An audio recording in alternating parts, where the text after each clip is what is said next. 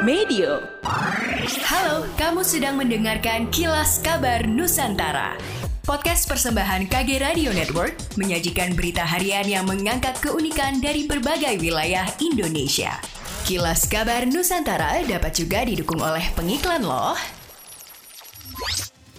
Selama lima bulan, belasan kasus peredaran dan penyalahgunaan narkotika dan obat-obatan terlarang diungkap Sat Narkoba Polres Karanganyar. Kasus narkoba terbaru yaitu terkait peredaran obat terlarang dalam kategori G pada Mei 2023. Kapolres Karanganyar AKBP Jero melalui Kasat Narkoba Polres Karanganyar Ibtu Supran mengatakan sejak Januari hingga Mei 2023 ada 15 kasus peredaran dan penyalahgunaan obat terlarang di Kabupaten Karanganyar. Dia juga mengaku pada awal bulan Mei 2023 telah membongkar peredaran obat terlarang yang masuk dalam kategori daftar G. Ia menjelaskan motif para pelaku dalam mengedarkan narkoba karena persoalan ekonomi. Pihaknya mengimbau kepada masyarakat untuk ikut perangi narkoba dan menjauhi penggunaan dan peredaran barang barang tersebut. Gubernur Sulawesi Selatan Andi Sudirman Sulaiman menyerahkan dana hibah sebesar 1 miliar rupiah untuk Forum Kerukunan Umat Beragama FKUB Provinsi Sulawesi Selatan. Dana hibah diserahkan gubernur saat silaturahmi bersama para pimpinan Majelis Lembaga Agama dan Keagamaan Parisada Hindu Dharma Indonesia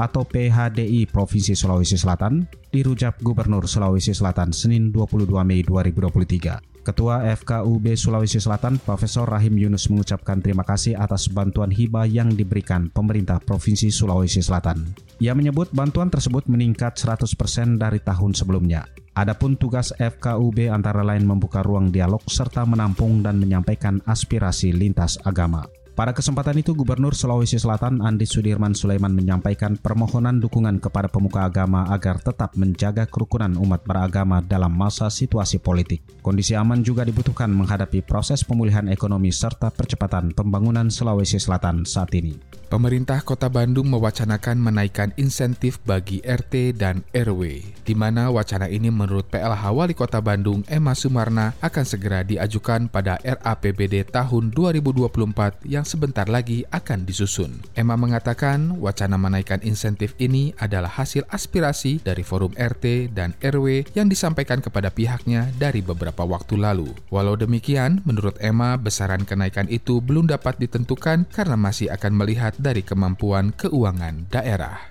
Demikianlah kilas kabar Nusantara malam ini.